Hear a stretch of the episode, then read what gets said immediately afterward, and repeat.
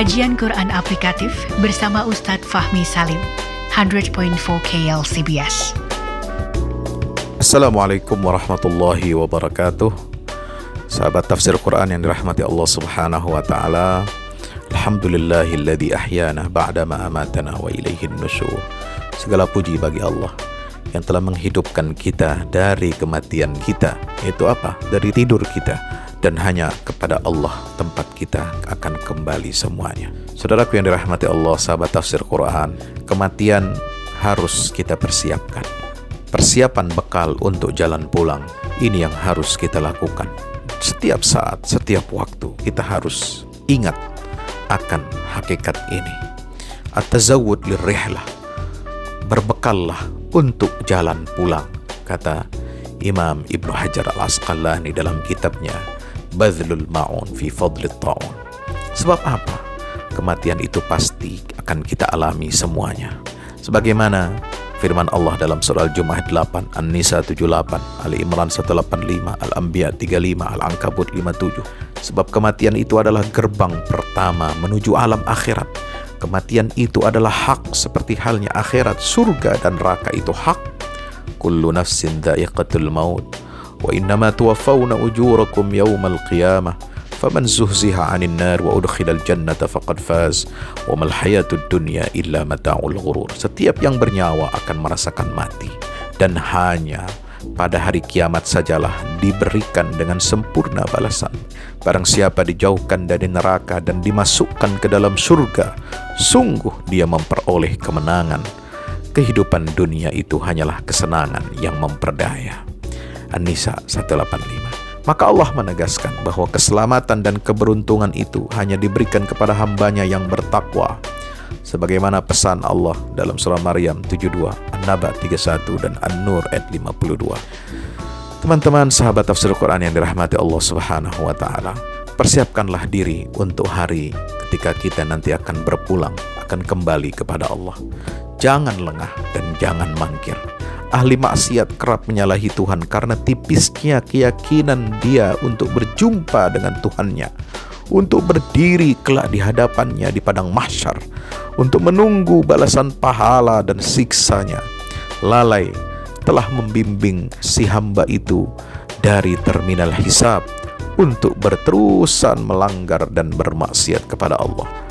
Allah berfirman, "Innal ladzina la yarjuna liqa'ana wa radu bil hayatid dunya wa tma'annu biha wal ladzina hum an ayatina ghafilun." Yunus ayat 7. Sungguhnya orang-orang yang tidak mengharapkan itu yang tidak percaya akan pertemuan dengan kami dan merasa puas dengan kehidupan dunia serta merasa tentram dengan kehidupan itu dan orang-orang yang melalaikan ayat-ayat kami. Nauzubillah min zalim. Saudaraku, sahabat tafsir yang dirahmati Allah, dunia ini cepat perginya dan dekat hilangnya. Tidak ada istirahat dan ketentraman di dalamnya. Yang ada adalah ambisi, kegalauan, kotoran, derita, dan penyakit. Jika dunia datang, maka turunlah rasa galau dan lelah ke dalam jiwa kita. Tapi jika dunia pergi, minggat dari hati kita, maka yang tersisa itu adalah rasa sedih dan gundah yang dirasakan oleh hamba yang lalai kepada Allah. Tetapi seorang mukmin tidak akan pernah bisa istirahat kecuali setelah ia meninggalkan dunia ini. Saudaraku yang dirahmati Allah Subhanahu wa taala. Maka hakikat kematian ini adalah setiap orang yang hidup di atas bumi ini pasti menyadari dia pasti akan mati. Betapa tidak setiap orang melihat sendiri ayahnya, ibunya, kakeknya, neneknya, mungkin kakaknya, adiknya, tetangganya, temannya mati dan dimakamkan. Tiada yang kekal abadi hidup di atas dunia ini. Orang yang berpangkat tinggi atau rendah, berilmu luas atau sempit, berkuasa besar atau kecil, pemimpin atau raja jelata semua akan mati. Itulah sunnatullah yang pasti dialami manusia. Ada orang beranggapan bahwa mati adalah akhir daripada kehidupan. Tidak ada kehidupan lagi setelahnya. Jika semua orang berpikir seperti ini, maka mereka akan bersaing dan berlomba-lomba untuk meraih dunia dengan segala cara.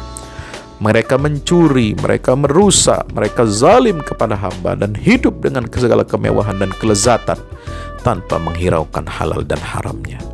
Namun, pola pikir yang lurus apa nyatakan sebaliknya? Bahwa setiap amal perbuatan di dunia ini ada balasannya di akhirat.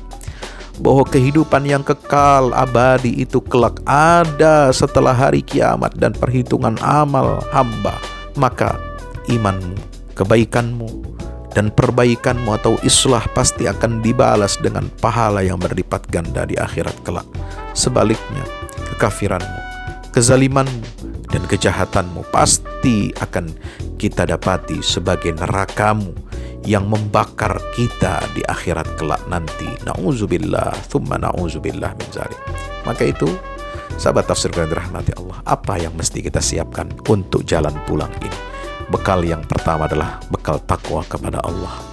Bekal yang kedua adalah perbanyak ibadah fardu dan takarrub kepada Allah dengan amalan-amalan sunnah. Bekal ketiga adalah dengan mempelajari ilmu-ilmu akhirat, yaitu dengan memahami Quran dan sunnah Nabi dengan benar Keadaanmu di akhirat kelak bergantung sejauh mana pengetahuanmu tentang ilmu-ilmu yang menjamin kebahagiaanmu di akhirat nanti. Bekal yang keempat, kembalikanlah hak-hak hamba yang telah engkau ambil dengan cara yang zalim. Minta ampunlah kepada Allah dan minta ridho hamba yang telah engkau zalimi itu. Bekal yang kelima, jangan Anda jadikan dunia ini harapan terbesarmu Jangan biarkan dunia menyibukkan hati dan perhatianmu dari mengingat akhirat dan kematian. Wallahu a'lam bissawab. Wassalamualaikum warahmatullahi wabarakatuh. Belajar tafsir Al-Quran dalam kajian Quran aplikatif bersama Ustadz Fahmi Salim, pendiri Yayasan Al-Fahmu International Indonesia, 100.4 KL CBS.